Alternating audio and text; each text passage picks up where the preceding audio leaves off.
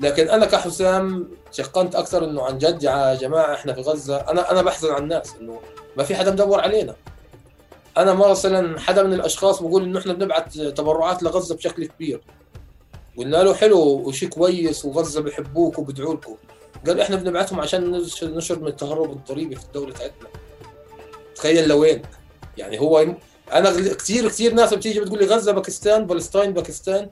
يا عمي غزة فلسطين إسرائيل. لا لا باكستان. ففي في في حتى هذا الشيء موجود عند ناس يعني مثلا الناس عرب. إنه بنصدموا هل أنتم عن جد في غزة مش قادرين تسافروا؟ طب أنتم عندكم حصار وما عندكم إنترنت؟ يا جماعة إحنا عايشين والله العظيم عايشين ومبسوطين. وعندنا بحر وعندنا ناس بترقص وناس بتغني وناس بتدبك. وعايشين حياتنا. عندنا الحصار إنه إحنا مسكر على عقولنا أكثر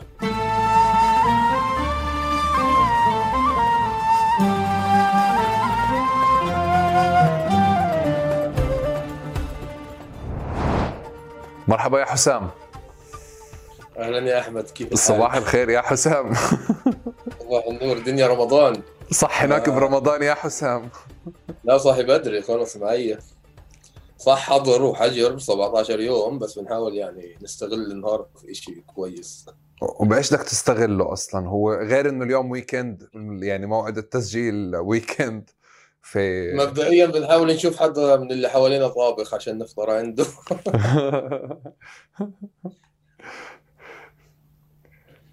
يا أخي كل كيف ماشي الحال الحمد لله.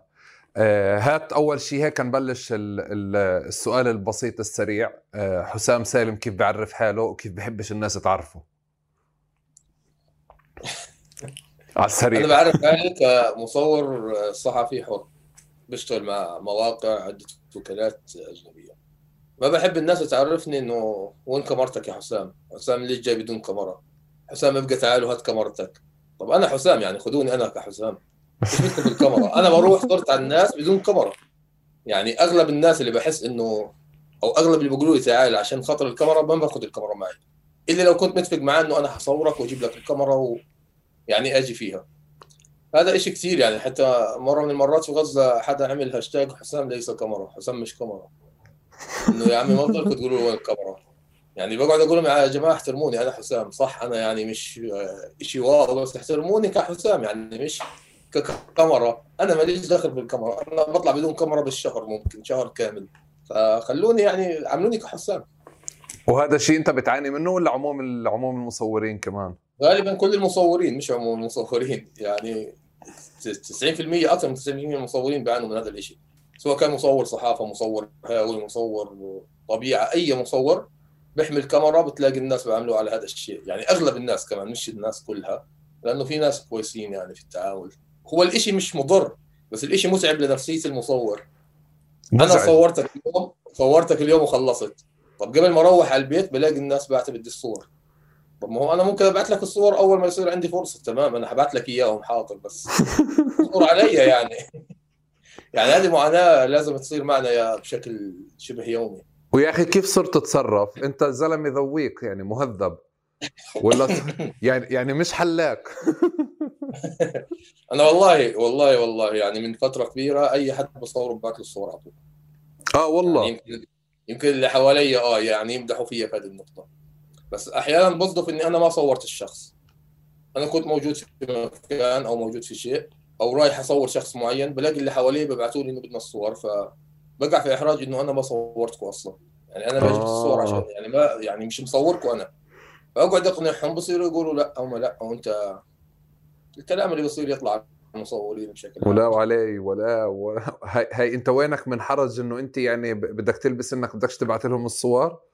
وينك من حرج إنه مش حيصدقوا إنك أنت ما صورتهمش يعني. هو بالضبط. أنا بعز الشخص هذا بدي أقعد أقنع فيه طول اليوم إنه أنا والله العظيم ما صورتك. يعني في ناس أحيانا بتقول إنه أنت صورتني وحذفت الصور. يا عمي أنا ما صورتكش أصلا. أنا ما طلعتش الكاميرا عشان اصور أنا كانت معي الكاميرا مروح من شغلي مثلا. فكل هذه الإحراجات بنقع فيها بشكل يعني شبه مباشر. بشكل شبه يومي. أنا صرت فتره كبيرة حتى تطلع بدون كاميرا.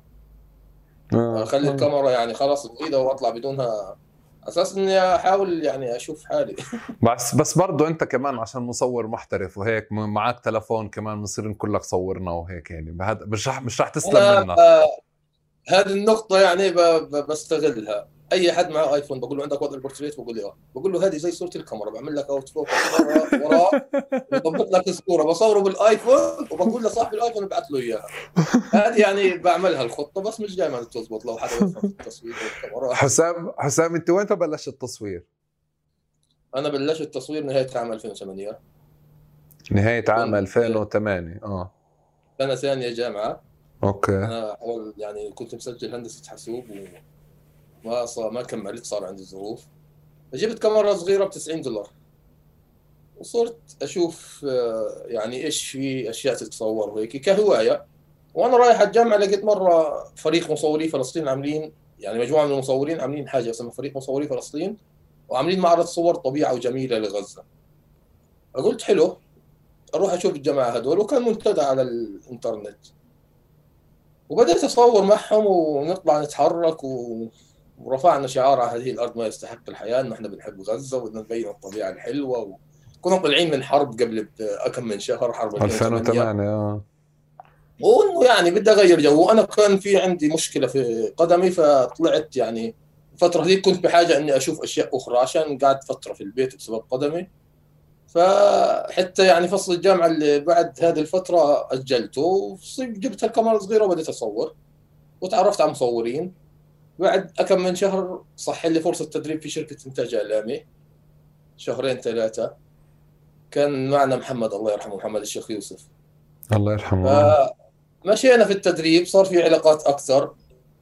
أخذت زي محاضرات تصوير في مؤسسة وعرفوني كمصور. اتصلوا علي يوم نتائج توجيهي. قالوا لي تعال بدنا إياك تصور. قلت لهم في عندكم مصور؟ قالوا لي المصور اللي عندنا يعني خلصنا معاه. رحت فكان هذا أول مرة إني يعني بعد سبع شهور هيك أصور عشان إني أستفيد ماليا من التصوير اللي أنا بعمله. وقعدت فترة سنة ونص تقريبا سنتين نصور أشياء طبيعية جمالية ونطبع الصور على حسابنا ونعمل معارض على حسابنا عشان نقول للناس في حاجات حلوة في غزة تفضلوا شوفوها. بعد أقل من سنتين تقريبا التحقت اللي هو يعني شبكت مع حدا أجنبي كمصور حر موقع بيع صور. وركزت على هذا الجانب إني أنا أكمل كمصور صحفي.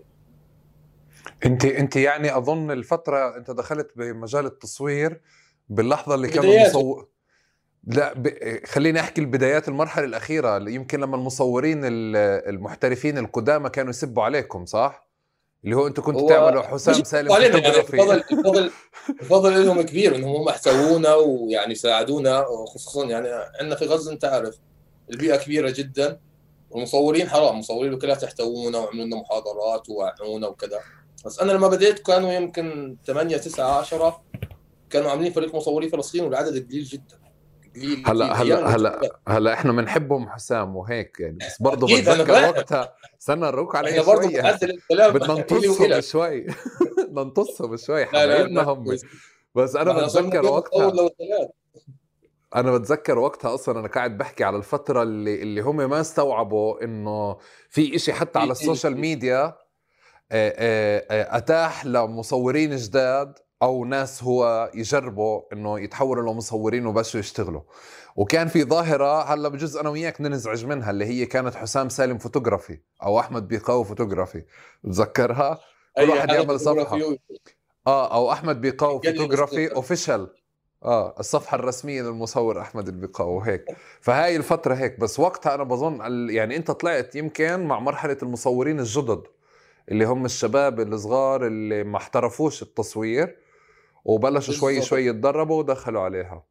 يعني إحنا على مستوى فريق مصوري فلسطين كان الاستاذ اياد الجندي يعني مصور من غزة والفضل له كبير بعد ربنا والكل بيشهد له.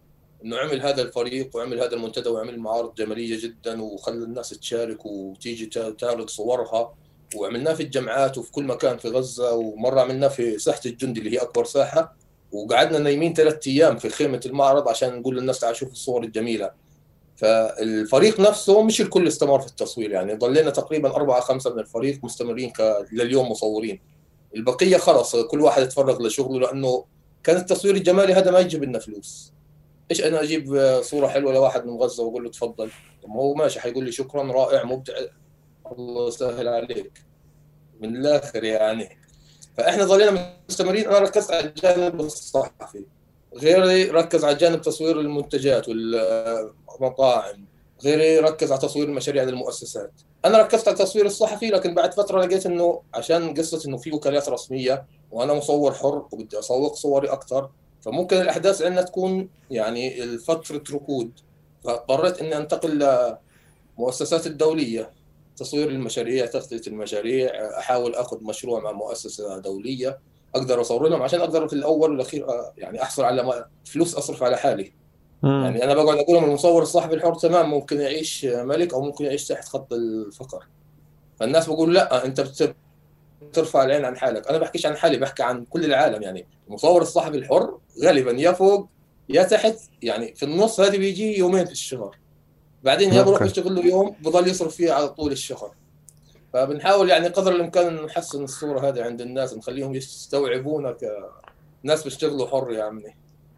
أنت أنت حسام إمتى بتفكر في وأنت في غزة بعد ما بلشت 2008 إمتى وصلت خلص اللي هو الاحتراف؟ كيف بتعرف حالك يعني؟ يعني نجحت إنك تعمل. تفضل أقول لك معلومة صغيره أنا تقريبا آه. كل الصور اللي قبل 2010 حذفتهم. واو ليه؟ أنا دائما بقول يعني أنا اعطيت دورات تصوير لعدد معين في غزة يعني. كنت أقول لهم إنه صور كثير واحتفظ بالصور بتتعلم كل مرة بنتعلم يعني. أنا لليوم بتعلم. كل يوم صورة. لكل مكان بصور فيه صورة بتعلم. كل ما صورت أكثر كل ما تعلمت. فإني أظل أصور كثير لكن لما أنا وصلت لمرحلة إني أنا شايف صوري تغيرت عن بداياتي. رحت هدفت كل الصور اللي قبل 2010 خصوصا إنه أنا كان أصور يعني أنا اليوم ممكن أقعد أتمسخر على الصورة اللي كنت مصورها زمان. اليوم. واو. فأنا رحت حذفت الصور هذه حتى صوري الشخصية اللي كنت أنا متصورها قبل 2010 حذفتها. لأنه الشباب ما بيقصروا يعني بيدخلوا على أي صورة بيقعدوا ينكشوا راس زي ما إحنا بنقول.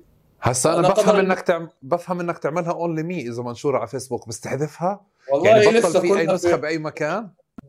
من صور كان العدد كبير. كان عدد الصور هذه كبير فاضطرينا نحذفها يعني. مش عقد يعني أغلب الشباب والأشخاص عملوا هذا الشغلة. wow طب أنت أي سنة هي عملتها؟ يعني تقريبا بعد نص 2010 بعد نص 2010 عندي في 15 اذار أول مرة أبيع صورة لموقع أجنبي. ف قبل كنت شغال مع حدا معين يعني محلي.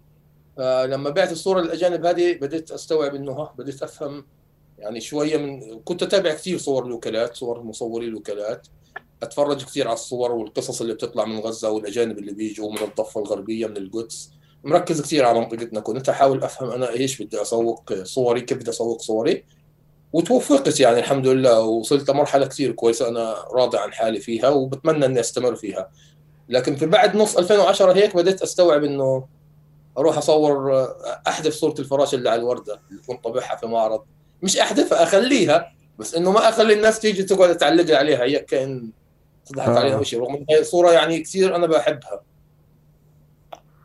أوكي هاي هاي الصورة.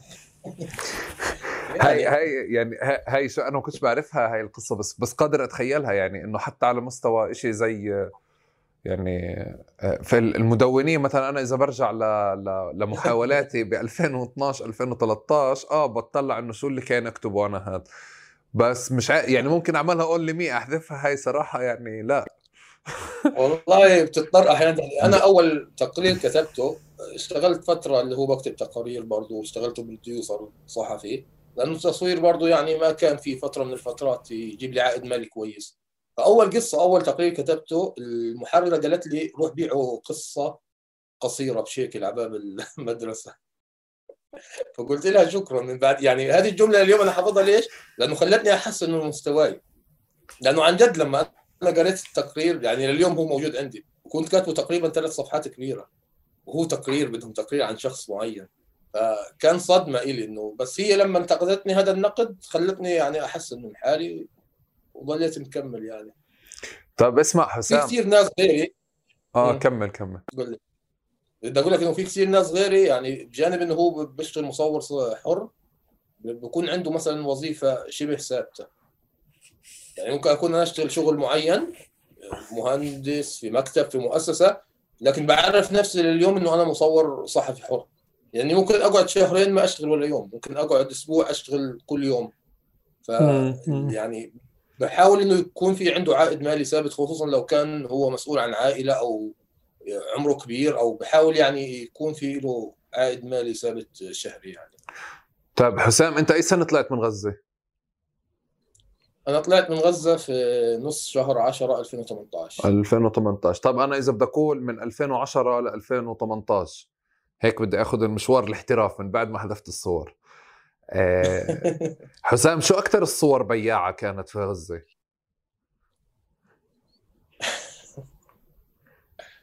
شوف إحنا يعني أنا بابا يعني بتفق مش بتفق مع الناس. أنا رأي الناس بيكون كويس إنه مثلا بيجي بقول لك إنه آه بتبيع صور بتبيع صورنا بتشهدوا علينا. إحنا ما بنبيع ولا بنشهد عليهم.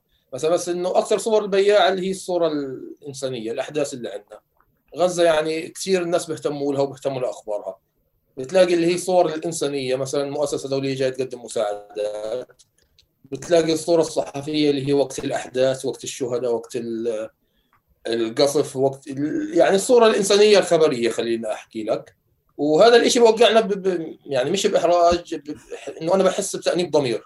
أحيانا بكون رايحين نصور جنازة شهيد بقعدوا يقولوا لنا آه أنتم بتصورونا تشهدوا علينا. أحيانا بنروح بنصور ناس بتتلقى مساعدات بتصير يقول لك آه أنتم بتصورونا وتشهدوا علينا. فالشيء هذا بتخيل إنه أنا مثلا أكون واقف مكان هذا الشخص وحدا يصورني. بتخيل إنه أهلي يكونوا واقفين مكان هذا الشخص وحدا يصورهم. ما أنا نفس الحاجة حقعد أفكر. لكن أنا بعرف إنه أنا مش قصدي من الصورة هذه هيك. وبعد 2010 تقريبا بعد الحرب الأولى كانت هذه النظرة السائدة العامة يعني. لكن بعد الحرب الثانية بعد الحرب الثالثة صار في وعي عند المصورين بشكل عام إنه إيش الصورة اللي تطلع من غزة وإيش الصورة اللي ما تطلع وإيش الصورة اللي تنتشر وما تنتشر وصار في حتى وعي عند الناس إنها تتلقى تتقبل المصور أكثر امم طب لما لما انت بتقول صور إنسانية بتقصد يعني إذا بدنا ناخذ أكثر صور إنسانية هي أكثر الصور اللي اللي بتحرك يعني بتقصد أنت الصور اللي بتحرك الإنسانية هيك يعني بتحرك مشاعر الناس آه، بتحرك بالضبط مش... آه. اللي هي بالأكثر يعني بالحرب عليها يعني بالحرب بالحياة اليومية للناس البسيطة اللي عندنا في غزة. يعني أنت لما تشوفها يا بدك تنبسط يا بدك تحزن على اللي في الصورة. يعني انت اللي بخاطبك الشخص اللي في الصورة. مثلا أزمة معبر رفح. نأخذ الصورة اللي بتبين قديش الناس يعني تعبت وتروح على معبر رفح وترجع. وقت الحرب بنروح بنصور آه، عفوا وقت تشييع الشهداء بنصور الشخص اللي قاعد يبكي على الشهيد اللي راح. فقدر الإمكان وقت ما نصور فقراء بنحاول نصور الطفل اللي محتاج اللي انبهدل لكن هو حلو وجميل. يعني بنحاول نخاطب إنه أنت تشوف الصورة تحس يا تنبسط يا تحزن. وكثير مصورين وكثير صور آه، يعني الحمد لله كانت سبب في إنها تجيب عائد مالي للأشخاص اللي بالصورة خصوصا لو كانت صورة إنسانية لعائلة محتاجة أو غيره.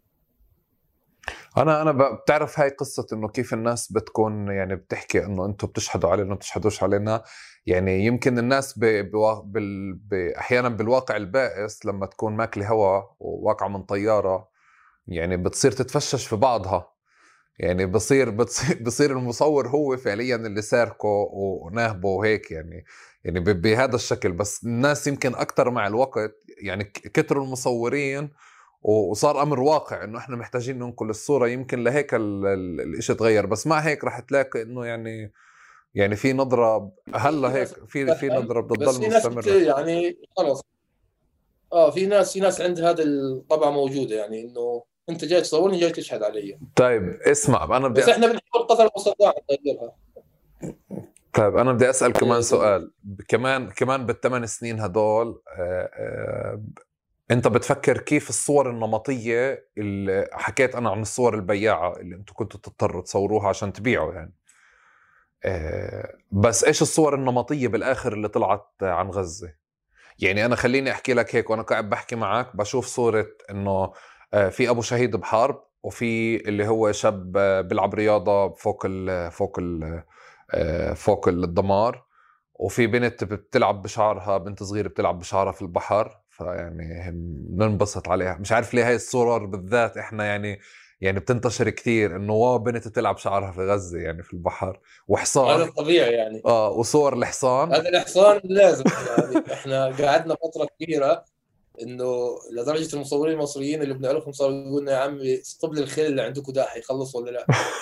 يوميا إحنا عندنا بغزه ما في إلا بحر تمام؟ فطول فترة الصيف بننزل على البحر وقت الغروب في ألوان على البحر ألوان السماء واللي بكون على الخير رايح جاي. فإحنا بنقعد لنا شهر تقريبا مستلمين صورة الخير وكلنا بنصور نفس الصورة وكلنا بنصور يوم يوم هذه الصورة. يعني بنحاول إنه نطلع صورة. فمرة بيمزحونا المصورين المصريين صاروا يكتبوا على التعليقات إنه يا عم استبل الخير اللي عندكم ده إحنا عايزين يخير آه. يخلص يا نيجي. في مصورة أجنبية برضه ثانية زميلة لورا بتقول لنا إنه الابو اللي بيرمي طفلته هذه كل أسبوع بتطلع من عنده لا يا عم طيب مالي يعني الشيء إحنا بنحاول إنه نبين الناس مبسوطة بعيدا عن الصورة النمطية اللي بتطلع من غزة. العالم أو الأغلب بيشوف إنه زي ما أنت قلت صورة الحرب صورة الشهيد صورة الدمار القصف هي اللي بتطلع من غزة. بنحاول نركز في شغلي كمصور أنا أو زملاء المصورين على قصص النجاح. مثلا حدا آه، مهندس أخذ جائزة دولية في جامعة أخرى على مستوى العالم. حدا صنع شيء بسيط مشروع بدائي بدأ وممكن ينجح رغم الظروف الصعبة اللي في غزة. يعني بنحاول كثير إنه نعمل قصص النجاح هذه ونركز عليها. من فترة كبيرة صار في عندنا اللي هو الدوري الممتاز في غزة الرياضي وصار إنه في تركيز على تصوير الرياضة.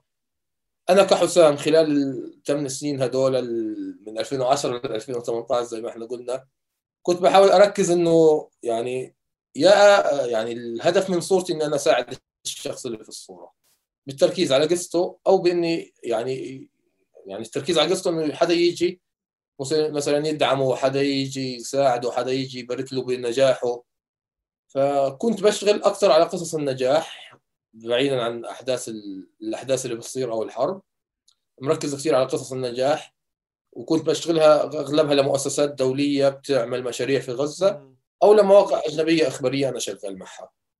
وقت الأحداث بركز على إنه مثلا آخر فترة حتى الشهيد لما يستشهد الله يرحمه لو كان طفل سياسة الموقع اللي أنا بشتغل معاه كانت تعمل زي بروفايل عنه. تيجي تعرفنا مين هو الطفل هذا وإيش هو بعدين تقول إنه اليوم استشهد وكذا. فبحاول كنت يعني نطلع شيء غير المألوف أو غير المعتاد من غزة بمساعدة يعني الزملاء اللي بيشتغلوا في المكان اللي أنا بصور. طيب تعال بدي أجرب أبني معك آه، هالسؤال.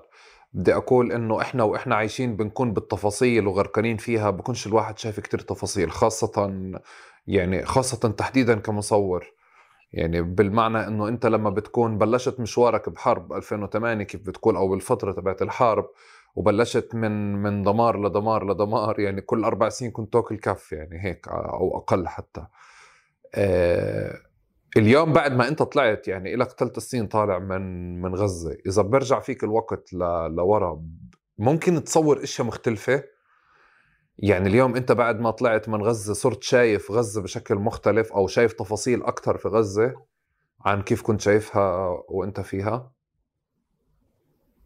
والله آه هو الإشي إنه أنا شايف حاجات يعني تفاصيل أكثر بكثير ونظرتي لغزه تغيرت بشكل عام أو للاحداث اللي بتصير في غزة. بس ما بقدر أصور شيء ثاني لأنه الأحداث مش أنا اللي بعملها في البلد. يعني البلد هي عايشة هذه الحالة. المعبر مسكر له 10 15 سنة. الحصار كثير مأثر على الاقتصاد تاع البلد. الناس البطالة فيها كثير. القصص الحزينة الإنسانية اللي في غزة هي هي ما بتتغير سواء أنا تتغير نظرتي ولا لا. حاولنا إنه أنا ومصورين آخرين نغير من خلال القصص اللي بنستهدفها للإعلام لكن ما بنقدر لأنه معاناة الناس وحدة. يعني معاناة حتى أنا لما طلعت برا غزة أخذت شوية من تجربتي في غزة وعملتها في الخارج. يعني حاولت إني أجيب نفس الصور اللي أخذتها في غزة وصورتها في الخارج عشان أقدر أعمل مقارنة وأنه أقول المعاناة هذه اللي إحنا بنشوفها. خارج غزة هي موجودة في غزة بس مش كثير مركزين عليها إحنا كناس من غزة موجودين في الخارج. يعني مش عارف إذا حدا حيقدر من هان لحد ما البلد اوضاعها تتحسن وتستقر إنه يقدر يغير الشيء اللي طالع من البلد. لأنه هي زي ما أنت بتقول يعني كل يوم مثلا كل يومين ثلاثة أسبوع بصير شهيد. طب ما هي هي الصورة هي هي القصة. هي مثلا بصير في بيت بنحرق بسبب انقطاع الكهرباء بسبب شمعة مضوية في غزة. فأنا مضطر إني أواكب الأحداث هذه اللي موجودة في البلد. فأعتقد إنه صعب جدا إنه نقعد نغير في الشيء اللي بيطلع من البلد. وبتظن أنت يمكن كمان يعني بدي أجرب أسأل هذا السؤال وأفترض إنه أنت لسه غزه ما غادرتك يعني ما تجاوزتش مرحله يعني ما ما لسه ما بنيتش والله أو ما أخذتش هذا هذا رح نحكي فيه أكثر بس بظن إنه ثلاث سنين من تجارب المغتربين عموما مش مش مش مش سنين كافية لإنه أنت تبني حياة مختلفة يعني بمعنى بالكامل بتظن لقدام ممكن تشوف أكيد. تشوف غزة بعين تانية أو أو تشوف صور غزة بعين تاني كمان والله هي يعني مش عارف إيش أقول لك بس إنه لو فيش أي مشكلة اللي هي يعني مثلا إنه وجود إسرائيل حنيتها البلد بتتغير والحال بتغير يعني ما أعتقد يعني أنا بتمنى إنه بكرة أصحى ما ألاقي إنه وضع غزة تغير والامور تمام والناس بتطلع في من الميناء بتودي بضاعتها للخارج المطار شغال الناس بتتحرك براحتها. فهذه حنيت الصورة بتتغير لكن هذا الشيء يعني بتمنى إنه يصير قريبا. لكن في ظني واعتقادي إنه لسه بده وقت كثير يعني أنا بتمنى إنه يتغير. بتعرف هو هو بده وقت بس زي زي كأنه يعني إنه آه، أنا أنا قاعد بسأل هذا هذه الأسئلة وعندي افتراض يعني أكثر إنه آه، يمكن سوء الحال وسوء الأوضاع وسوء الحالة النفسية للناس عموما في غزة مش يعني فكرة الحصار في حصار على مستوى على مستوى المخيال حتى على مستوى الخيال. بخليش حتى المصورين اللي هي شغلتهم إنه يفكر بمعنى إنه أنا بدي أقعد سنة أو سنتين أبني قصة مصورة بدي ألحق قصة يعني يعني على رواق على هدوء. كاميرتي بمعنى حتى يعني ب... ب... حتى لو بدي أبني هذه القصة لفترة طويلة أسف على المقاطعة حتكون القصة حزينة. مش أنا أنا ما عنديش مشكلة مع القصة إنه تكون حزينة بس عندي مشكلة صارت مع الصور النمطية. تعرف شغلة ارجع ل 2008 2000 عفوا 2012 2012 نزلت مصورة لبنانية. على غزة. آه آه ونزلت هيك صورت مجموعة صور. اليوم إذا بترجع تطلع عليها هي صور عادية. يعني بمعنى إنه دخلت على صور وطلعت صور مش بنات مش محجبات. هيك بتذكر إشي مثل هيك تمام؟ وإنه شباب وصبايا قاعدين وإشي مش عارف إيش هذا. الصور وقتها عملت ضجة كبيرة وقتها يعني بتذكر كان الفيسبوك قايم القيامة إنه كيف يعني وهيك. هذا عندنا في غزة؟ آه إنه هذا عن... آه هو هذا عندك في غزة بس كان في إشيين في في حرب يعني في مسبيات أو في في هجوم على على المصورة بمعنى إنه أنت نازله غزة عشان يعني تدوري على القصص الفاضية هاي ما هذا موجود بغزة. وفي كمان ناس تاني طالعة من غزة أو من أماكن تانية إنه كيف يعقل أن يكون يعني هؤلاء في غزة؟ يعني وهيك. عشان هيك بقول لك إنه في إشي بيتعلق بالصور النمطية أكثر من فكره اللي هي الصور الحزينة. أنا بعرف إنه الواقع حزين واقع بائس بس يمكن حتى معالجته أو زوايا معالجته ممكن تكون مختلفة. بس تحديدا فكرة إنه على مدار السنين الماضية صار في صور نمطية اللي ممكن إذا طلعت صبية مش محجبة على البحر يعني تهز الدنيا يعني يعني بمعنى إنه وهذا الإشي صار تراكمي على على عشان عشان هيك أنا ما... تفضل. زي ما أنت قلت إنه هذا الإشي يعني 2012 2014 2015 بس من فترة ثلاث أربع سنين هيك تقريبا الوضع في غزة صار في تقبل أكثر للوضع هذا أو للحالة هاي. لأنه أنا أنا متقبل غيري متقبل. لكن الصورة العامة السائدة عند الناس وزي ما أنت قلت الحصار اللي موجود ومخلي البيئة مغلقة ما بيخلي الناس تتقبل هذا الشيء لكن م. اليوم بنشوف من ثلاث سنين تقريبا أربع سنين إنه الوضع صار أحسن بكثير في غزة من ناحية هذا الشيء يعني قبل يومين بلدية غزة عاملة دعم ل أعتقد إن أنا شفت الصور اللي هو اللي على البسكليت تنفسنا مشروع اسمه تنفسنا. البلدية وال إنه بنت تسوق بسكليت. قبل لما كانت بنت تسوق بسكليت تلاقي أغلب الناس يهجموا عليها. رغم إنه الشيء عادي. آه يعني بتذكر صار ثورة يمكن 2007 ولا 2008 عشان صبية ساقت بسكليت على البحر. بالضبط آه فأعتقد إنه يعني الفترة هاي غزة صارت أفضل والوضع اللي في غزة بيخلي الناس إحنا الحصار اللي موجود علينا زي ما أنت قلت الشيء النفسي. أنا هان في الغربة أو في الخارج بقعد أقول لهم أي حد جايكم من غزة هذا متهيئ إنه يتعامل مع أي ظرف كان. أنا أيام ما صار الزلزال صرت أضحك. كل الناس خايفة وشارده ورايحه و... طب أنا واقف على باب البرج اللي كنت بشتغل في المكان اللي فيه قاعد بضحك على الناس اللي بتشرد وبتروح وبتيجي. والله العظيم مش عارف ليش. إنه ليش أنتم خايفين؟ اللي كاتبه ربنا بيصير. خلص هيك إحنا عايشين. فيعني الإشي نفسي أكثر زي ما أنت قلت. طيب كمان كمان لحد ألف... لحد 2018 بدي أسأل سؤالين. هلا أول آه، آه، أول مرة فكرت تطلع من غزة؟ أي سنة كانت؟ 2015 2015 بعد حرب 2014 والله كنا بدنا نطلع كنت أنا وكمان مصور ومدير مؤسسة عاملين لنا معارض وشيء فقالنا بلاش نطلع يوم الأربعاء خلينا يوم الخميس هذا آه، بس بدي أخلص معاملات بنك. ويوم السبت بنطلع. كان المعبر فاتح بعد الحرب والأمور كويسة.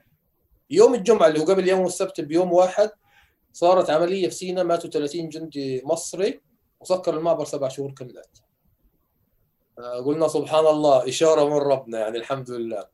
خلصت الفيزا اللي معنا رحنا نبعث الجواز يتجدد ضاعف بريد أرامكس اللي رايح حرم الله.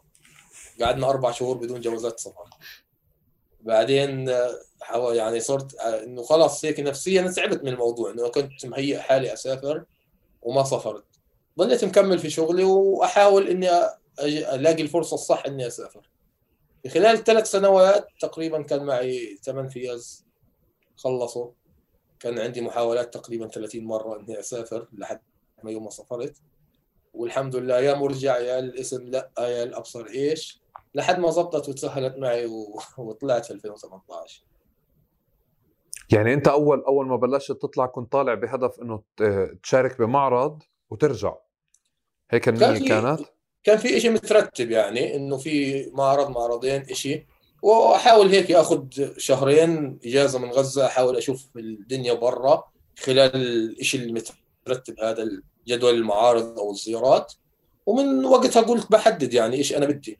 أنا لليوم بقول للكل إنه أنا فترة وجودي خارج غزة مش إنه أنا شارد من غزة أو بدي أطلع أدور على شيء خارج غزة. بدور على شيء خارج غزة لكن أنا في يعني نازل غزة وراجع غزة لأنه لازم لأنه أنا كل حياتي موجودة في غزة يعني. أوكي. أنت أنت طيب آه، إمتى بلشت تفكر إنه خلص أنا لازم أطلع لازم أطلع؟ بمعنى لازم تطلع من غزة. تقريبا بعد قبل ما أسافر باربع بعد استشهاد ياسر الله يرحمه ياسر مرتجى الله يرحمه تعيش. إنه أنا يعني خلص هيك المكان والأحداث والاشخاص حتى ال... كل شيء حواليا خلص يعني ربطني ربط تفكيري مأثر علي بشكل كبير. فحاولت قدر المستطاع إني أنا لازم أطلع. حتى قبل ما أسافر بشهرين تقريبا كنت ناوي أرتبط وما زبط الموضوع. فبعديها خلص إنه خلاص بدي أطلع بدي أطلع. يعني المكان الزمان الأشخاص الأحداث اللي بتصير الطريق خلص كان ارتباطي بياسر وزميلنا رشدي كان ارتباط يعني بشكل شبه يومي وكان تعامل الناس مع الموضوع إنه هم حزنين علينا إحنا اللي عايشين. فكان مأثر كثير يعني نفسيا علينا لدرجة إنه خلص يا جماعة عملوني حسام أنا حسام هيني بطلع وبشوفكم وبصور وبشتغل وبروح وباجي. تعاملوا معي طبيعي. صح أنا كنت أحزن على الناس اللي أصورها وقت ما تودع الشهداء وغيره وأقعد أفكر فيهم لما أشوف الصورة أدعي له. بس ما تخيلت إنه الناس تعاملني بنفس الطريقة. ما بعرف هل هو يعني حزن هل هو ضعف بين هل هو شيء. فقررت إني عن جد يعني لازم أطلع لو شهرين زمن وأعود أرجع على غزة. بس سبحان الله الشهرين مدوا سنتين فان شاء الله يعني نشوف الأنسب والأضبط ونشوف وين نكون وين نرجع وين نروح. حسام أنا أنا بلفتني أصلا بتجربتك إنه أنت مش آه، بالعادة بتقدم يعني لما بنحكي على الشباب ليه بتهاجر من غزة أو بتطلع من غزة؟ وهون يمكن بنهاية المسار بنصير نحكي إنه أنت هلأ مهاجر ولا مغترب يعني ولا مسافر سفرة ورجعة. بس بنحكى دائما على الأوضاع الاقتصادية وعلى البطالة وهيك بس كثير يعني قليل جدا ما ينحكى على الإشي بالسياق اللي أنت بتحكي فيه. يعني دائما أنا كيف كنت بسمع وكيف كنت كيف كنت أنت بتحكي تجربتك أكثر طالعة من فكرة إنه آه، أنت يعني آه، وضعك المادي ما كانش سيء بمعنى ما كانش إنه أنت لازم تطلع. آه الحمد لله. إنه لازم تطلع تشتغل. صحيح. ويمكن ويمكن قد يكون وضعك في غزة يمكن يكون أفضل من من وضعك في إسطنبول اليوم. تمام الحمد لله. يعني آه وضعي كان ماشي ووضعي ماشي لاني يعني أنا بشتغل حر وبشتغل مع أكثر من حدا. بس انت الضغوطات الضغوطات النفسية اللي كانت اللي تراكمت على مدار السنين هي بشكل أساسي اللي دفعتك للطلعة؟ بالضبط يعني أنا حاولت كثير أسافر وكان في عندي أكثر من شيء وكان في عندي يعني مترتب أكثر من حاجة. فالأمور ما مشت. أنا إنسان يعني مؤمن باللي كاتبه ربنا. يعني بستخير ربنا قبل ما أروح على المعبر وبنام. تسهل السهل ما تسهلتش عادي يعني مش صحيح ممكن أكتئب لكن ما بحزن إنه خلص الحياة خلصت وبدي أروح أنتحر ولا لا كنت أعيش يومي طبيعي والحياة حلوة والأمور تمام. بس خلص بتصل لمرحلة إنه عن جد أنت مش قادر. أنت مش قادر. طب ليش أنا ما تزبط معي؟ طب أنا بدي أحاول لحد ما تزبط. أنا ربنا قال اسعى. وأنا هيني بحاول أسعى وأسعى وأسعى وضليت يعني الحمد لله أسعى. أنا يوم ما سافرت يا أحمد كنت 12 مرة تقريبا 10 11 مرة رايح على المعبر وراجع في أربع شهور. كل ما أروح أرجع أروح أرجع. لحد ما في الأخير الحمد لله هيك المرة الأخيرة زبطت وكان ضايل لفيستي أربع أيام وبتخلص. وكنت حالف يمين لو ما خلصت هالمره وسافرت ما حجدد الفيزا. بس خلص ربنا قال لي تفضل يعني كرم ربنا هذا. فانه ما بتضايق من الاشياء يعني خلص كلها إشارات آه. ربنا. يعني يمكن التراكمات هذه هي اللي وصلتني إني أشوف الأمور بهذه المنطق. انه إيش اللي بيجي اللي برضيني طب حسام من دائرة أصحابنا وأصدقائنا اللي حوالينا هيك الدوائر المشتركة آه، اللي طلعت من غزة أو الشباب اللي طلعت من غزة بآخر مثلا خمس سنين بشكل أساسي هيك خلينا نعم. نقول أو ست سنين. آه، آه، شو بتفكر الدوافع الأساسية؟ أو كيف نرتب أولويات يعني سلم سلم الأسباب بخروجهم من غزة؟ في ناس ممكن الدافع يكون يعني مثلا تراكمات نفسية لكن ما بحكي. أنا يعني صراحة ما بحكي هذا الإشي كنت بشكل واضح لكن من فترة ما قدر أجمل الواقع فصرت احكي بشكل واضح. ما قدر أجمل الواقع لأنه عن جد الإشي النفسي اللي في غزة متعب سواء على شخص بحاول إنه يصل لإشي كبير أو بحاول إنه يلاقي نفسه في مجاله أو في عمله. الشباب الدائرة اللي حوالينا ممكن هو يعني أنا بعرف كثير أشخاص كانوا شغالين في غزة وباخذوا فلوس أكثر ما باخذوا هان. لكن هو بده يحاول يطلع يرجع. حتى لدرجة إنه جابوا عائلاتهم ومعهم يعني اللي متجوز واللي عنده أطفال. من باب إنه أنا بدي أشوف البلاد اللي برا. أنا في غزة محصور بين دوامي وقعدة أصحابي وقعدة البيت. ما في عندنا شيء الكورنيش اللي عندنا ما في عليه ضاء يعني أنا بكون قاعد والبحر أسود قدامي. فخلص الشيء النفسي الدفع الأكبر. وفي نسبة ثانية اللي هي كانت تطلع لأنه ما في شغل. فهي بدها تحاول تلاقي شغل وأجت في الخارج واشتغلت في أشياء مش في مجالها وتك يعني تدعي على اليوم اللي هي طلعت فيه من غزة لكن ما بحكي هذا الشيء عشان عزة نفسه عشان يبين للآخرين إنه عايش مرتاح. في ناس طلعت بدافع الهجرة واللي ممكن لها سنتين ثلاثة أمورها مش ماشية وبيحاول إنه يعني برضه نفس الشيء يقول إنه الحياة كويسة وكثير وأنا مبسوط لكن هو فعليا متدمر. وفي ناس الحمد لله ظبط معهم يعني الشيء اللي بخططوا له ظبط معهم. وحسام فكره فكرة الهجرة أو الخروج من غزة هاي الفكرة السائدة بين الشباب؟ آه يعني أنا مرة قريت إنه حتى في النرويج في بيقولوا في قرى كاملة هاجرت من غزة أجت عندنا. يعني العدد بالنسبة للسكان بتاع غزة آه، من غزة اللي موجودين في بلجيكا عفوا في بلجيكا العدد كبير جدا. بلجيكا. آه الشباب عندهم الفكرة هاي من تقريبا متابعتهم للأشخاص اللي هاجروا. في أشخاص من اللي هاجروا يعني بينقلوا التجربة اللي هاجروا فيها بشكل كبير بشكل صادق. في أشخاص لا بكون له سنتين في البلد ومعوش أوراق ولا إقامة ولا شيء لكن بيظل يحكي للناس إنه أنا آه هاجرت وأموري كويسة وبعطوني راتب وبشتغل. أنا مثلا كحسام مش مستعد أروح على دولة أقدم فيها لجوء حاليا ولا قبل. أنا برجع على غزة بشتغل في أموري الحمد لله شغلي ماشي. غيري ممكن يعملها سواء كان يشتغل وأموره ماشية أو لا. فالشيء بيرجع قناعات لكن الصورة السائدة الكبيرة إنه آه أنا بدي أطلع من غزة وأقدم على اللجوء وأهاجر. لما يطلع للخارج بينصدم بواقع اللاجئين اللي موجودين خارج غزة. لما يطلع يعني حتى إحنا في فترة الآن القضية الفلسطينية لا تذكر سواء عند الأجانب أو عند الأخبار العالمية والعربية. القضايا اللي موجودة في الخارج وقضايا اللاجئين والمهاجرين اللي موجودة في الخارج أكبر من بكثير من أخبارنا وقضيتنا وعددنا. فبظل أدعي إنه يا رب هيك ما يظل مغرر فيهم الشباب وال... يعني بننقهر على الواقع اللي إحنا عايشينه. إنه الكل بيفكر إنه إحنا هلقيتي خلص بنفكر كيف بدنا ننقذ غزة لكن ما في حد بيفكر كيف بده ينقذ غزة. يعني كل حدا بيشتغل بشكل فردي. حسام لما الناس لما الشاب بده يعني يقرر يسافر من غزة إذا بدي أحكي بشكل عام مش بحالتك أنت لأنه شوي أنت حالتك فيها شوية امتيازات يمكن نتيجة إنه عندك تواصل مع جهات أجنبية وهيك. بين قوسين. استاخت على التهمة هاي.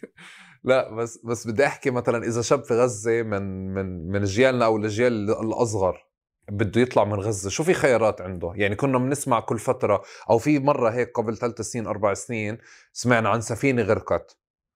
تذكر أيوة. أو سفينة ضاعت. وفي حدا شاب اللي هو طلع بده يلف أوروبا عشان يوصل بلجيكا وغرق في نهر وكذا.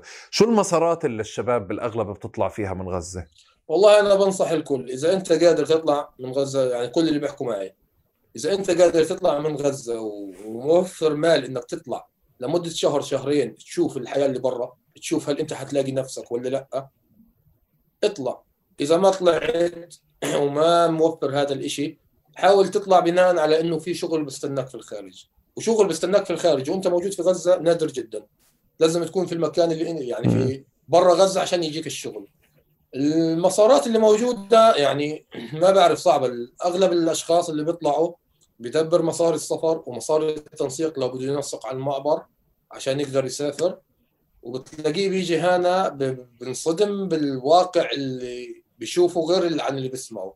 مثلا آه، خلينا نقول مثال إسطنبول أو تركيا. بيجوا هنا الشباب بيكونوا متوقعين إنه خلص يعني أنا جاي ملاقي كل حاجة جاهزة. ممكن يروح ينام في غرفة مع أربع أشخاص آخرين لأنه ما في مكان يبات فيه وما في معاه مصاري يدفع الأجار. فالمسارات يعني بقول لك يا يكون مرتبها على الآخر يا يكون ضامن إنه يوصل البلد الأوروبي اللي بده إياه. أما من غير هيك هذا والله. هذا حسام في حال بدك تنصح الناس بس الشباب كيف تطلع اليوم؟ الشباب بتطلع عادي مصر معبر مطار يعني الأغلب بيطلع ترحيل بدخل من غزة على مصر ترحيل. بيصل المطار وبيطلع على تركيا. 90% بالأغلب على إسطنبول. 90% بيجي تركيا وإسطنبول. ليش؟ لأنه ما في فيزا سهلة كفيزا تركيا للفلسطينيين أو للناس في غزة. بيصل هنا على أساس إنه في حدا مكلمه في حدا مظبط له الوضع بيجي. ممكن الشخص هذا يكون يعني كثير كويس ويكمل معاه اللي وقفة اللي عملها معاه وممكن أول ما يصل هنا يبطل يتعرف عليه. وهذا الإشي بصير. يعني أنا بحكي لك الواقع والقصص اللي بنسمعها. بيجي هنا ممكن يشتغل يكون هو مهندس لكن بيجي هنا ما بيلاقي شغله وما بيلاقي وظيفته. ممكن يروح يشتغل في معمل خياطة ممكن يروح يشتغل في معمل مصنع ملابس. فبتلاقيه نفسيا بتعب أكثر الراتب اللي باخذه ممكن ما يكفيه ل يعني لأمور حياته الشهرية. المسار هذا مش عارف يعني بده مبلغ. أنا لو مثلا جيت أسافر وما كشاب وما معي آه، اسم يعني ما رحت على المعبر ورجعوني بدي اضطر أنسق ب 1500 دولار. كانت قبل 3000 دولار. اليوم التنسيق 800 دولار. طب ما أنا 800 دولار بعيش فيه شهرين في غزة كشاب مثلا أو أكثر ممكن أطلع لما أطلع برا 800 دولار يعيشوني شهر أو شهرين برضه في الخارج.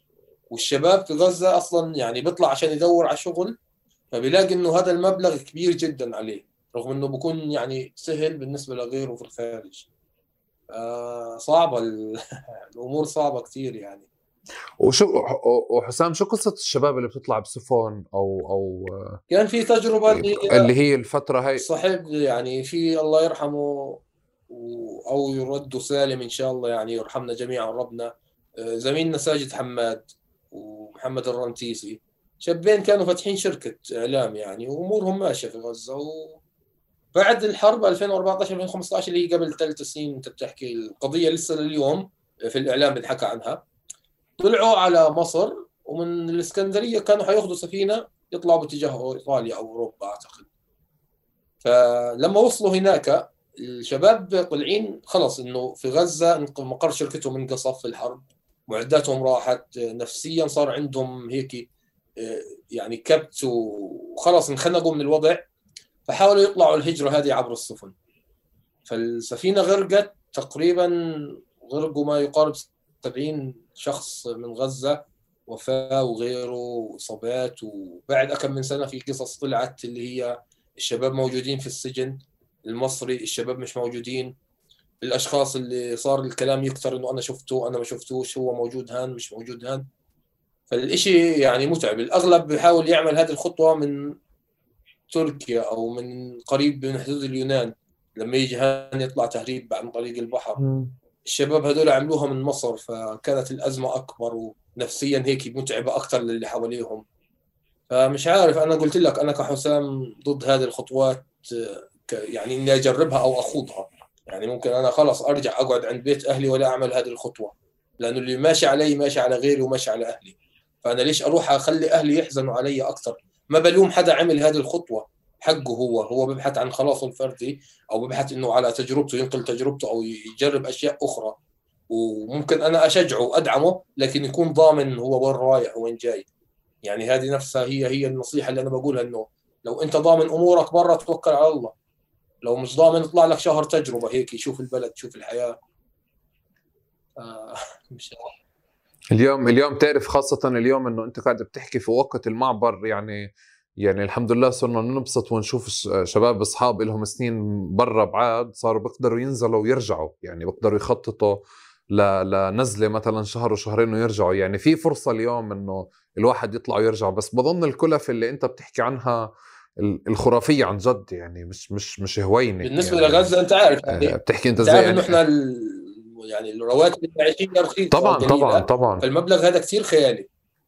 لشاب يعني. لا طبعا طبعا طبعا. آه أنت أنت بتحكي مثلا اللي هو 400 دولار ممكن تكون يعني ممكن تكون راتب و, و 300 دولار و200 دولار ممكن تكون راتب يعني ممكن تكون مكافأة ممكن تكون راتب راتب صحيح. لحدا فهذا الشيء متعب. ف... بالنسبة للمعبر والناس اللي بتزور غزة يعني إن شاء الله أقدر أعمل زيهم قريبا. بس هي الانتخابات خربت فالله يستر. هل فاتحه البلد ولا لا؟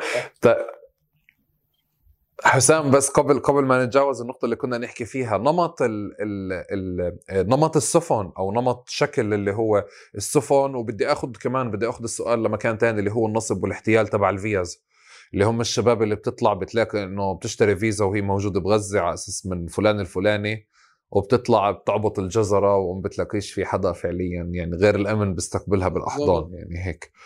هاي القصص كثيرة ولا فردية ولا كل فترة وفترة بس والله هي قصص بنسمع فترة عنها. هيك يعني إنه صار الأمر مكشوف. يعني صار الأمر مكشوف كثير يعني لدرجة إنه الأشخاص صاروا يشوفوا مثلا هل أنت عن جد حجز لي ولا مش حجز لي قبل ما يطلع؟ لكن الإشي بيصير بشكل مستمر. عيد معلش عيد شو صار يعني يشوفوا أنا أفحص وأتأكد هل هذه الشيء اللي أداني اياه الفيزا هذا أكيد ولا لا. لكن في أشخاص ما بيقدروا يعني ما عندهم الثقافة إنه يعملوا هذا الشيء فبيقعوا في هذه المشكلة. إنه أنا بطلع بلاقي أصلا الاوراق اللي معي كلها مضروبة الفيزا مضروبة الأمن باخذني يا في المطار يا عند المطار يا في المكان اللي رايح يهربني منه. فهذه الأمور يعني بشكل كبير وتحديدا في قصص التهريب يعني. ممكن أنا أدي المهرب آه، فلوس وأروح أطلع آه، يوصلني لمنطقة يقول لي يلا اليوم جايين ياخذوكم أروح هو يروح يعني يروح ألاقي حالي متسلم. بعد 10 أيام آه، أرجع على البيت اللي هو كان جايبني عليه المهرب ألاقي المهرب متأجره ليومين لحد ما يتسفرنا ويروح. وهذه القصص مليانة كثير يعني برا غزة. في غزة القصص اللي هي النصب على الفيز المضروبة وال في الأرقام المضروبة هذه. يعني موجودة. أنا الحمد لله يعني ما واجهتها ولا بتمنى أواجهها لأني يعني بشتغل أشياء قانونية أكثر عشان أكون في السليم أنا أو اللي حواليا. لكن بتمنى اني يعني تخلص لكن ما أعتقد إنها تخلص لأنه الناس معتبرينها تجارة. يعني الناس باخذوها كتجارة. إيش بتشتغل والله بشتغل بالفيز المضروبه هو شغل يعني مربح. آه بالفيز المضروبه آه هيك تصريح هو بصرح إنه هو بيشتغل آه بالفيز المضروبة. بالفيز المضروبة يعني هو بيعتبرها تجارة شغله. هسا الفيز المضروبه بتقصد ال visa card تمام آه اللي هو الرقم المضروب وهو بيشتري لك وال... الأشياء غير غير فيزا الطيران أو آه آه يعني بيجي آه بيعمل لك آه. أنت فيزتك طيرانك بديك إياها عبر فيزا مضروبة. فلما يكتشفوا هذا الشيء بروح بضربوا فيزتك كمان أنت فيزة الطيارة اللي أنت عاملها. آه آه لا والله يا عم أنا آه، بشتغل آه ماليش دخل يعني هذا شغل. يعني لدرجة إن أنا بعرف واحد بقول لك معي فتوى من هيئة علماء المسلمين في العراق. طب هيئة علماء المسلمين في العراق فاضية إنه إيش؟ والله العظيم. فالأمور شوية يعني. شوف الناس أنا أنا بظن هدول هدول, الإخوة الأشاوس الأصحاب الفيز المضروبة هدول بدهم بدهم حلقة لحالهم. بدهم يجيب واحد منهم. أنا بالنسبة لي شاغل بدك تجيب واحد منهم وتسمعنا إيش بقول يعني. بكون هيك مرتب الكلام كله. والله على على اللي بتقوله أظن عادي في واحد ممكن يطلع ويحكي باسمه. والله أنا أتوقع يعني يطلع باسمه يعني. ويصرح. الله يبعدهم عنا خلينا بالسليم طيب حسام بس طلعت من غزة بشو تفاجأت؟ شو؟ استرجع بشو تفاجأت بس طلعت من غزة؟ آه، بالواقع الأليم يعني تنصدم أول ما طلعت برا المعبر وشفت كمية الإضاءة اللي ضاوية على طريق سينا إنه أنا هيك انصدمت يا عم هي كهرة طيب ليش إن إحنا بدنا تجينا أربع ساعات؟ ليش بتجينا ساعتين؟ ليش بتجينا ست ساعات؟ عن جد إنه ليش يا عمي طب هاتوا لنا شوية كهرباء أكثر شيء فاجأني برا غزة اللي هو يعني لما وصلت هنا شفت جبل نصه أخضر ونصه ثلج من فوق. وأنا كنت واقف على أول الجبل وصورت المشهد هذا. لدرجة اللي معي بيقولوا لي يلا يلا يلا تأخرنا السيارة واقفه في نص الشارع. بقول لهم يا جماعة أنا بعد 30 سنة أول مرة أشوف ثلج سيبوني براحتي. وقفت ربع ساعة يمكن. بس قاعد بطلع في المنظر اللي قدامي. والأشياء اللي كنا يعني نسمع عنها وإحنا في غزة وما نشوفهاش يعني طلعت برا. وجربتها لدرجة إنه أنا كنت أدوخ يعني من الطبق الرابع فما فوق أدوخ عن جد يعني بصيبني دوران جيت هنا نطيت من فوق جبل 1800 متر في الباراشوت صح قعدت نص ساعة في الجو أقول له please go down please go down بس الحمد لله عملتها يعني. يعني هذه تقريبا يعني لليوم ما بقدر أعيدها. بس لما عملتها الحمد لله خلاص إنه هيك اللي في نفسي عملته يعني خلاص. آه كثير كثير. والواقع والواقع قول لي. والواقع اللي أنت يعني الواقع اللي أنت شفته في غزة حسام هو نفسه اللي, اللي أو عفوا اللي انحكى لك عنه وكنت شايفه بالصور. أصحابك وحبايبك اللي موجودين حواليك على الفيسبوك في إسطنبول. إذا بدنا ناخذ إسطنبول كحالة لقيته زي ما هو ولا انصدمت في واقع ما؟ لا لا أنا مختلف. يعني كنت عن شو الناس كانت يعني على شغلي في فريلانسر وأنا في غزة كنت فاهم الصورة اللي برا. لأني بتعامل مع الأغلب وبتعامل مع الكل ففاهم الناس كيف برا. والحمد لله الناس اللي حوالي موجودين هنا آه، هم هم يعني. زي ما هي في مخيلتي وأنا في غزة هي هي الصورة وتعاملهم حتى أحسن. قبل كم من يوم كنت كاتب على الفيسبوك إنه جيت أكتب عن تجربتي خارج غزة في الغربة فحذفت كل اللي كتبته وقلت الحمد لله على وجود الأصحاب حوالي يعني. يعني هي هذه ضمن السياق. فلا الحمد لله بس ما هم حضروش المعرض يا حسن. ما عدا نقطة واحدة هي انت قلتها اللي ما جوش على المعرض سمحتهم يعني خلاص. لأنه الأمر يعني مش عارف إيش أقول لك عندنا متنا. فلازم نسمح لا هذا هذا ترند لازم يضل العمر كله أنا مكيف عليه والله انبهرت. يعني. أنت هاي ورقة ابتزاز لأصحابك؟ أنا انبهرت عن جد. ورقة ابتزاز مش هاي. ورقة ابتزاز. شوف أنا عملت معرض وعندنا بنحكي عنه. إنه أنا بدي أصحابي يجوا لأني أنا المعرض باسمي يعني أنا مبسوط خلاص. والشيء بالخارج واللي حوالي الحمد لله أنا علاقاتي كويسة واللي حوالي فيهم بركة. يعني كويسين. لو أجوا على المعرض الأمور تمام. واحد بيبعث لنا من جاي الثاني بيبعث لي بوك آه، ماشي. معرض قاعد 14 يوم. يعني لو واحد كلمني قال لي ممكن أجيك في اليوم العاشر ماشي بس كل حدا أشوفه والله ما جيت كنتش فاضي يومها. بقول له يا عمي إيش يومها أنا أعمل لك إياه يوم إجازة. وأعمل لك إياه 14 يوم. وأنت بتقول لي لا بديش أجي. طب ليش بتقول عندك؟ يعني انت صاحبي. أنا بستناك تيجي. أنا الحمد لله أجوني تقريبا 12 على المعرض من أصحابي. فهذا الشيء قهرني بزياده يعني في شباب أصحابي كثير أجوني في الليل لأنه كان عيد ميلادي يعني يوم ميلادي وما جوش على المعرض. قعدت أقول لهم طب ليش جايين في الليل؟ تعالوا الصبح على المعرض يا جماعة أنا بدي اياكم في المعرض بديش اياكم برا المعرض؟ بس بديش أضل أحكي عليهم الدنيا رمضان خلص بدي أسامحهم يعني. وياكم مسامحهم من زمان أنا الحمد لله من زمان زمان يعني. والله اسمع المشكلة المشكلة المشكلة إنه أنت هاي هاي قصة محك فيها بالكامل. يعني أنا بتذكر وقتها إنه إنه كان لازم أروح شاعر إنه كان لازم أروح. بس مش عارف فعليا في إشي صعب أحكي لك عنه. يمكن أنت بعد سنتين لا تستوعبه أكثر اللي هو الإشي اللي بتعلق بإسطنبول والمدن الكبيرة. يعني بمعنى لا وهذا مش مبرر على فكرة. يعني أنا مش قاعد ببرر. بس أنا أنا لإلي حتى ليه ما هو أنا كان كان لازم أروح وأنا بحب حسام وأنا بدي أروح. بس أنا ليش مش قاعد بروح؟ بعدين لما شفت إنه في كثير ناس زيي وحسام قاعد بشكي. يعني مبدئيا من جانب أنا ارتحت إني ما رحتش على معرض حسام تمام؟ لأنه في غيري ما راحش كثير يعني. آه بس بنفس الوقت يعني صرت أكثر إنه لا شوي لازم كان لازم أروح. ما هو يعني مش كثير ناس هاد. بس بنفس الوقت بحكي لك في إشي بتعلق بالمدن الكبيرة يعني آه آه يعني متفهم هذا الشيء اللي, اللي متفهم. اللي بخلي بتعرف حتى أنا بس مثلا بس أطلع على الدوحة ولا أطلع ارتاح. مدن صغيرة ال... إن... لا يا زلمة اليوم اليوم اليوم ما في مواصلات. يعني في إشي مثلا بستغربه أنا في الدوحة اللي هو قضية إنه آه، آه، آه، قضية المواصلات. بمعنى مثلا بإسطنبول صعب واحد يقول لك مثلا السنة وثق على بشك شهير وأرجع. يعني بس يجي عندي مثلا. ما في حدا بوصل حدا. يعني ما شوي ما في حدا بيطلع على المطار يجيب حدا بالضبط. فاهم؟ لأنه كل إشي بعيد عن كل شيء لما بتطلع مدن صغيرة بتشعر إنه شوي إنه أنا مش متعود الناس تقول لي. ما هيها هون؟ مشوار صغير بوصلك وبرجع. إيه. زي البلد يعني. ما يعني أنا مش متعود. لا أنا متفهم والله هذا الإشي. بس أنا حكيت في أولها من القهر والله. بس بعدين خلص يعني قلت الله يسامحهم ويوفقهم. بس ما هم بضلهم يقولوا لي المعرض المعرض. يعني هم بضلهم يذكروني هم نفسهم هذول الأشخاص. فبتحملوني إيش وراهم؟ لا بس أنا لو محلك أنا أنا أنا أنا لو محلك بخليها ورقة شغالة طول الوقت هيل. قلت لهم هاي على منسف وأنا. راضي. لا وممكن وممكن حتى بس ترجع فعليا على غزة على خير وسلامه تحطها واحد من الأسباب. أصحابك اللي عقروك فعليا في اللي المعرض. ما اجوا على المعرض. طيب كل لي اليوم أنت بالثلاث سنين هدول شو اللي أخر مشوار رجعتك؟ قلت لي طالع شهرين وراجع. أول ما طلعت قعدت تقريبا سؤال صعب يعني. أو سؤال ملوش جواب يعني عندي تحديدا بدنا نحفر بدنا نحفر أول ما طلعت تقريبا قعدت فترة كبيرة بس آه، يعني باخذ شغل خفيف وبحاول إني أتنقل بين المدن وكذا. تقريبا رحت ما يقارب 25 مدينة في تركيا ومحافظة. حاولت كثير يعني إني أشوف إيش في برا إيش موجود إيش موجود إيش موجود. لكن أنت بتعرف إسطنبول بدها في الأول والأخير اللي هي وظيفة موجودة. بدك عائد شهري موجود. وأنا كشغلي كفريلانسر يعني ما أعتقد إنه عايشني في مدينة كاسطنبول. فاضطريت إني يعني في أولها أول ما جيت فاضطريت إني ألتزم بوظيفة. وبرضه في مجال الصحافة وكاله محلية.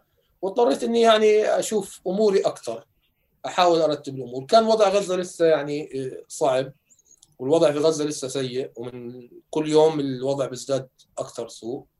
وكان في عندي شوية أمور أنا بحاول إني أنجزها. أنا كان معي مثلا قبل هيك فيزا اللي هي لألمانيا لكن خلصت. فكنت بحاول إني أحصل على نفس الحاجة هذه لكن بالطريقة القانونية إنه نفس الجماعة اللي كانوا حيأخذوني يجيبوا لي هذا الأمر. نفس الشيء مع أكثر من مكان وأكثر من شيء. يعني كنت بحاول أرتب أستغل وجودي خارج إسطنبول يعني خارج غزة. ان أنا موجود في الخارج أحاول أقضي الأمور اللي كانت متاحة لي أحاول ألاقي هذه الفرص بشكل كبير. فاكتشفت إنه الشهرين هذول مدوا لسنتين سنتين ونص يعني. ما بعرف هل هو حيمدوا أكثر ولا حيكون العدد أقل لكن يعني أنا على قناعة تامة إنه أنا وجودي في إسطنبول مش إنه أنا مستقر. أنا بقول أقول لهم أنا لو بدي أستقر أنا هم بدي راتب كثير عالي عشان هذه البلد. طالما معي مصاري أنا بضل أصرف فيها وبضل ألفلف فيها. يعني البلد مغري البلد حلوة وبتخليك تتحرك كثير لكن ما بعرف يعني ممكن إنه فجأة هيك ثاني يوم أروح غزة. ممكن يكون في عندي فرصة في مكان آخر. والحمد لله اجت فرص لكن ما كانتش تتوافق مع ال... يعني ما كنت يعني لما حسبتها ما كانت ماشية زي ما أنا بدي فأضطر أستغني عنها لحد ما ألاقي الشيء الأنسب والشيء الأفضل. وأنت يعني أدرى مني بهذه الأمور وادرى باسطنبول ومفاجآتها العظيمة. يعني عشان أعمل إقامة ممكن أقعد شهرين. أستنى وأروح وآجي وأستنى. أنا أنا حسام مش أدرى بس أنا عندي تجربة كمان بتشبه تجربتك. يعني بمعنى كمان أنا لما جيت إسطنبول جيت إنه أنا بدي أعيش فيها بشكل مؤقت. أنت لك ثلاث سنين. أنا فقدت حالي بالسنة الرابعة إنه إيه أربع سنين وأنا ضايل لي سنة لو مرتب وضعي منيح كان أخذت الجنسيه آه. بس انت بتنتبه انه انه النفسيات اللي اجينا فيها بمعنى اللي هو الهروب يعني اللي حتى لو إحنا واعيين له أو مش واعيين له بنعرفه أو ما بنعرفوش بدنا نحرج نحكي له أو لا؟ هروب من واقع ما ممكن يكون هروب من واقع في تفصيلة صغيرة سبب ما شيء اجتماعي شيء سياسي شيء اقتصادي ما بتعرف يعني. بس بحد ذاته بخليك بخليك تهرب تطلع من البلد وبنفس الوقت في فكرة بتضل مسيطرة علينا إنه إحنا اللي بدنا نرجع البلد. انه إحنا المقر الاساسي تبعنا البلد وال... وال... وفي هيك عنترية بتحسها هيك يعني اللي هي عند الفلسطيني بمكان ما اللي هو انه أنا شو بدي بالجواز الاجنبي؟ ما جواز فلسطيني. صح هو مش عارفين لي حاجة شو, مالي بالجواز الفلسطيني. بس آه لا ومعي جواز فلسطين أي نعم بتغلب بالفيز بس باخذ. بنتبه الواحد إنه مع الوقت بكون بكون مقنع حاله بمجموعة من الصور اللي اللي بتسقط هيك فجأة. أنا بالنسبة لي سقطت يعني غيرت بيتي غيرت حياتي غيرت كتير تفاصيل آه، لأنه زي ما أنت إجيت على إسطنبول أنا إجيت أنت ما جيتش يعني دار القديمه حسام أنا دخلتها وكنت معبيها صور من ذاكرتي يعني من مصر ومن البلد ومن رام الله ومن غزة ومن صور من صور من طفولتي ما إنه بمعنى هاي محطة typical محطة أنا بدي اخليها محطة حقيقية. بس بعدين لا انتقلت لمكان تاني يعني. طب كل هلا وانت وانت موجود شو الأسباب اللي بتأخر رجعتك لغزة بغض النظر عن فكرة يعني من غزة نفسها أو في غزة نفسها؟ مع الأخذ بعين يعني الاعتبار اليوم الفكرة اللي كورونا اولا اللي هي سنة هذه تفضل تفضل. خلينا نقول. القصة الثانية إنه كان كان في عندي ترتيب لشيء يعني. بحاول إني أضمن إنه يحصل فكان التأخر في الأمور هاي.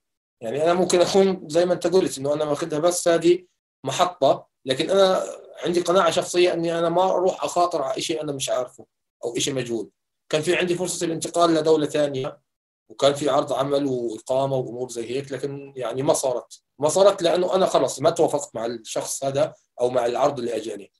اللي أخرني أو اللي خلاني يعني أبعد أو مش أبعد اللي هو هل أنا حضمن أطلع من غزة بسهولة ولا لأ؟ أنا عانيت لمدة ثلاث سنوات في إني أطلع في وقت ما تيجي الفرصة أطلع من غزة وقت ما تيجيني الفرصة. آه، موجود الآن في إسطنبول في فرص بتيجي. يعني أنا في فرصة أجتني هل لكن مضطر أبعد جوازي على غزة عشان أقدر أعمل الفيزا من غزة. لكن هل أنا قادر أروح أبعد يعني هذه أعمل هذه المخاطرة؟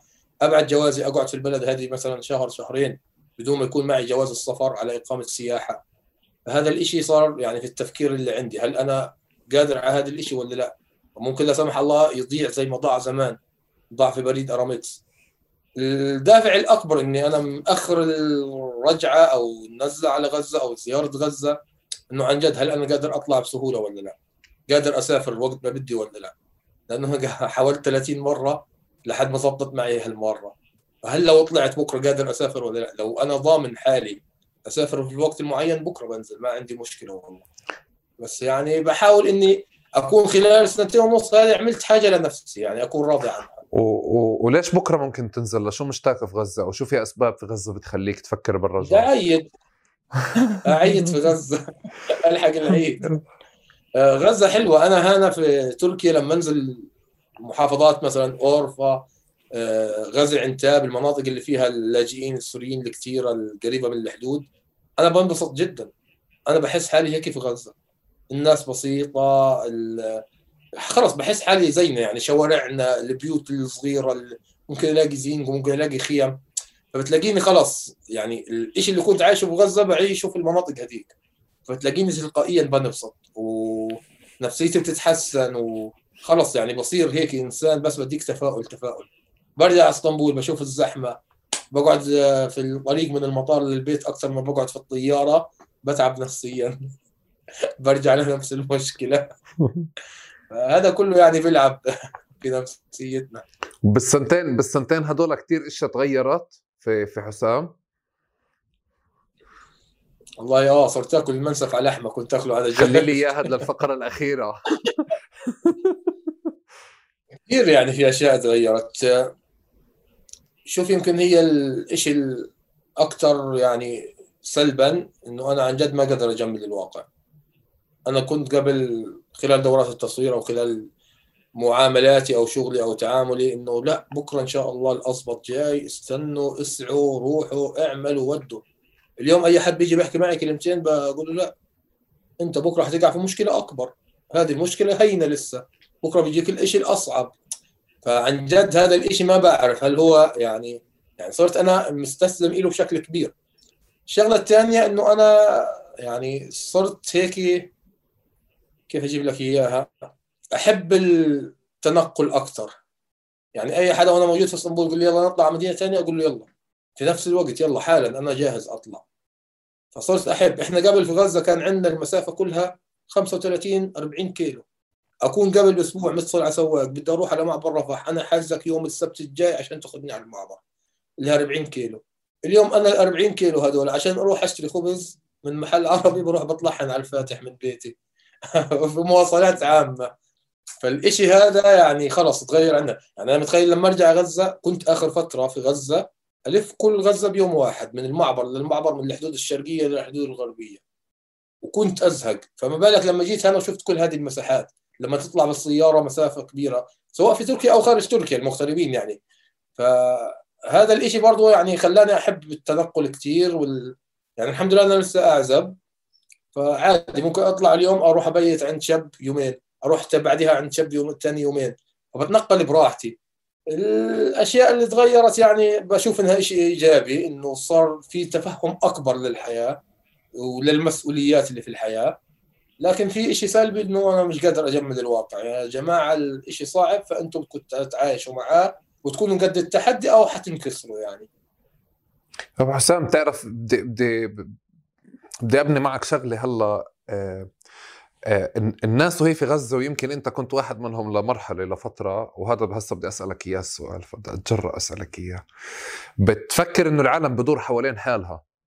يعني بمعنى حوالين غزة فقط وحوالين مظلومية غزة فقط. استنى علي. إحنا مركز الكون. إحنا مركز الكون. آه. إحنا شوف أي حدا برا بقول لك غزة مركز الكون. هيك الكل بتعامل. آه، والناس اللي جوا بفهمها. يعني بفهم فعليا إنه كل واحد في عنده مظلومية وفي عنده قهر معه آه، آه، وهو بطلب من العالم مش مهم له مظلوميات تانية بطلب من العالم كله إنه يخلد حاله ويفضي حاله عشان يحل عشان يحل مشكلته بفهمها. بس تطلع برا وأنت الحدا اللي دخل دخل على الحدود السورية دخل جوا كمان صح؟ دخلت يوم. آه لما تع... يعني تعاطيت مع مظلوميات تانية وتعاطيت مع أشكال تانية وطلعت برا إسطنبول وشفت إنه في أتراك كمان عندهم مشاكل وفي حياة تانية وفي كذا. هذا الإشي تغير عندك أو أو أو أو صرت تقراه بشيء بشكل مختلف؟ وأنا كنت يعني من وأنا في غزة أشوف إنه في الخارج مش مدورين علينا زي ما إحنا مت... يعني زي ما الناس متخيلة وعايشة. لما طلعت برا التاكد صار أكبر بكثير ولما رحت قصة إنه المشاكل السوريين والوضع السوري والمناطق والجماعات المسلحة والنظام وغيره فهمت بشكل أكبر إنه إحنا صفر على الشمال يعني إحنا لا نذكر بالنسبة لهذه المشكلة. قضيتنا مختلفة بعض الشيء إنه إحنا مشكلتنا مع اليهود. باقي مشاكل الدول العربية اللي هي مع النظام تاعه أو كذا. فبتلاقي اللي عنده المشكلة العربي اللي عنده المشكلة بيقف معنا إحنا. الناس عندنا كثير غلابة كثير بسيطة. التمحور هذا إنه إحنا مركز الكون والكل قاعد بحاول يخلصنا من هذه المشاكل تاعتنا بناء على الأشخاص اللي في المستوى الأعلى كأن كشعب فلسطيني عايشين هذه الحالة. اليوم اليوم اليوم اليوم الخطابات اللي بتصير لكن أنا كحسام شقنت أكثر إنه عن جد يا جماعة إحنا في غزة أنا أنا بحزن على الناس إنه ما في حدا مدور علينا. أنا مثلا حدا من الأشخاص بقول إنه إحنا بنبعث تبرعات لغزة بشكل كبير. قلنا له حلو وشيء كويس وغزة بحبوك وبدعوا لكم قال إحنا بنبعثهم عشان نشر من التهرب الضريبي في الدولة تاعتنا تخيل لوين؟ يعني هو أنا كثير كثير ناس بتيجي بتقول لي غزة باكستان فلسطين باكستان. يا عمي غزة فلسطين إسرائيل. لا لا باكستان. ففي في في حتى هذا الشيء موجود عند ناس مثلا ناس عرب. إنه بنصدموا هل أنتم عن جد في غزة مش قادرين تسافروا؟ طب أنتم عندكم حصار وما عندكم إنترنت؟ يا جماعة إحنا عايشين والله العظيم عايشين ومبسوطين. وعندنا بحر وعندنا ناس بترقص وناس بتغني وناس بتدبك وعايشين حياتنا. عندنا الحصار إنه إحنا مسكر على عقولنا أكثر فالتغيير الكبير اللي صار إنه عن جد مش عارف كيف أقول لك إياها. بس إنه عن جد إحنا أنا بتمنى بتمنى بتمنى إنه فجأة كل الناس تعرف إنه فيش حدا برا مدور علينا. وإنه إحنا اللي لازم نعمل كل حاجة بإيدينا. لأنه غير هيك ما ما ما في ما في تغيير لواقع غزة أو لواقعنا بشكل عام يعني. عن تجربتي على الحدود السوريه وداخل سوريا هذا الإشي كثير هيك خلاني أهدى من جوا إنه أنا كنت بدي أنزل غزة لأني مشتاق لغزة والحياة وفي غزة والمعيشة اللي أنا كنت عايشها. والأشياء الاجتماعية. لما بنزل على المناطق هذيك بعيش نفس الحاجة بعيش نفس الحالة من جوا.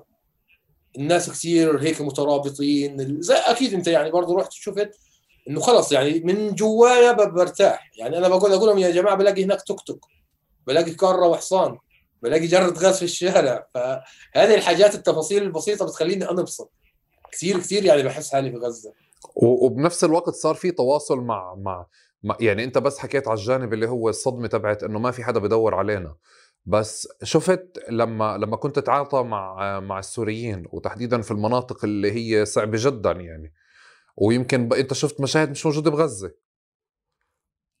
آه, آه شفت آه آه تغير إشي بقناعتك إنه إنه يعني آه إحنا مش محور الكون أو مش إحنا لحالنا اللي ماكلين هوا. أنا كحسام والله مقتنع أنا كحسام مقتنع. إحنا مش محور الكون وملناش دخل في أي حدا في العالم. إحنا يعني أنا بذكر أيام تفجير ال 11 سبتمبر. في فصيل عندنا في غزة طلع اعلن عن مسؤولية. إذا أنت ذاكر. فالأمور هذه يعني موجودة عندنا في أي حاجة.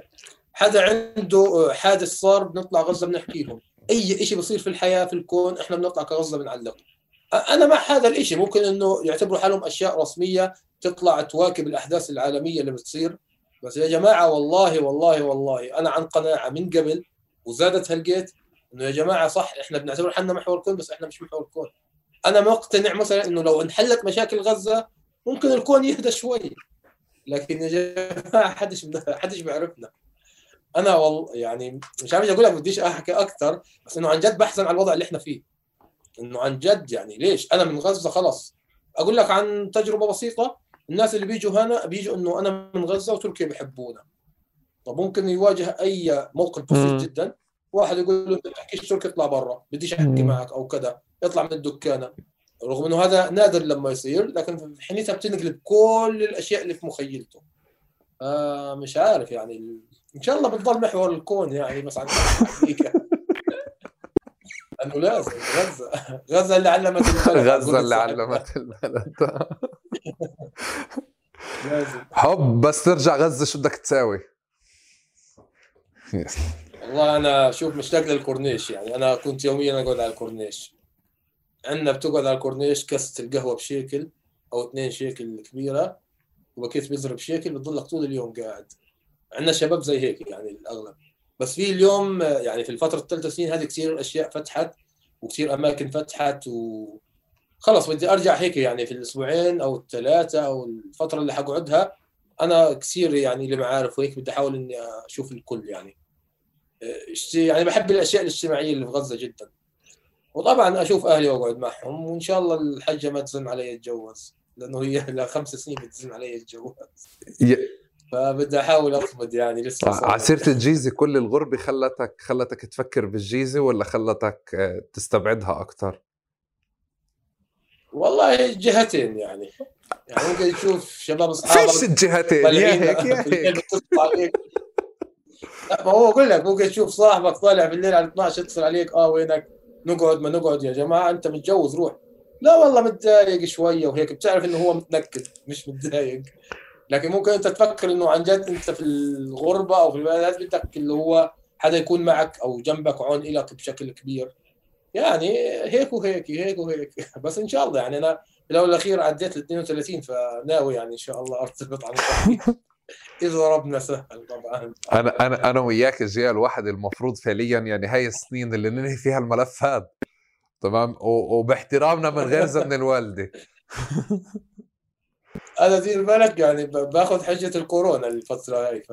بس طولت الكورونا. ولكن الكو... ال... ال... الكورونا مش حجة الكورونا مبرر أصلا لإلنا ولإلهم وأوفر كمان على الناس. كيف بتحكي فيها. بتقول لك الكورونا بتعملش شيء خلص بتاخذها وبتروح خلاص انت تجوز وتصويرك عندي وبعديها أنا بتجوز. آه. أهم شيء بس ما يقولوا لكش وقت العرس صورنا كمان. والله مشكلة.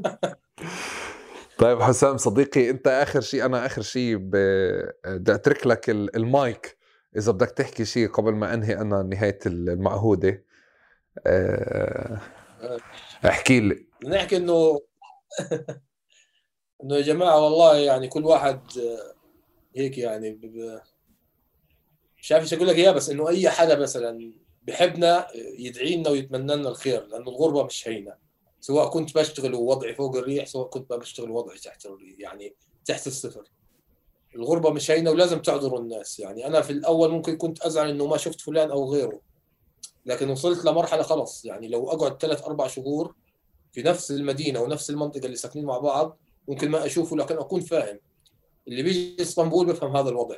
اللي بيشتغل وبداوم ما بيطلع مشوار في اليوم. فهذه من كثر ما هي مسبب مشاكل إلي أو لغيري. بتمنى إنه الكل يعني يشوفها ويعذرها. شغلة ثانية كحسام مصور بتمنى إني يعني أكمل في تصويري أكمل في شغلي أكمل في الشيء اللي أنا بعمله كمصور صحفي حر. أنا يعني الحمد لله بشتغل لفتره بشتغل شغل فيديوهات بصور فيديوهات. اشتغلت بروديوسر اشتغلت كاتب تقارير كاتب حوارات شيء يعني اشتغلت كثير في مجال الصحافة لكن لليوم أنا بعرف نفسي كمصور صحفي حر. إنه أنا مصور صحفي فوتوغرافي ومركز على هذا الجانب لأني وصلت لمرحلة آه، بشتغل مع مؤسسات أو وكالات كبيرة أجنبية. بتمنى أني أستمر فيها لحد ما أموت يعني. ما أوقف فجأة هيك. ما أخلي ما أستسلم للواقع اللي بيخليني أضطر إني أنتقل لوظيفة ثانية وأتخلى عن ال 12 11 سنة في مجالي كمصور. والشغلة الثالثة بتمنى إنه اللي ما جوش على المعرض يعزموني على منصف طب أنا أنا بدي أختم ختمة المعهود الآخر سؤال تبعي بس بشكل مختلف معك. أنت ليش يا أخي بتحب المنسف أكثر من المقلوبه شوف أنا المقلوبة بتتاكل بس أنا المقلوبة كل المغتربين بيعملوها كأنها شورمه من كثر ما هي يعني ظابطة معاهم. يعني الشيء الوحيد أي شاب بيعزمك بيقول لك تعال في مقلوبة عشان هو بيعرف يعمل المقلوبة وخلص يا جماعة غيروا غيروا غيروا. أنا كنت آكل المنسف على دجاج تخيل فلحد ما تبهدلت مرة بشكل كبير إنه يا جماعة بنف... يعني ما بينفعش تاكلوا الدجاج. من شخص بنعرفوش اجى على المطعم لقانا بناكل منسف على دجاج بهدلنا.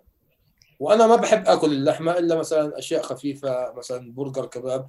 فاضطريت إني أصير أكلها مع اللحمة.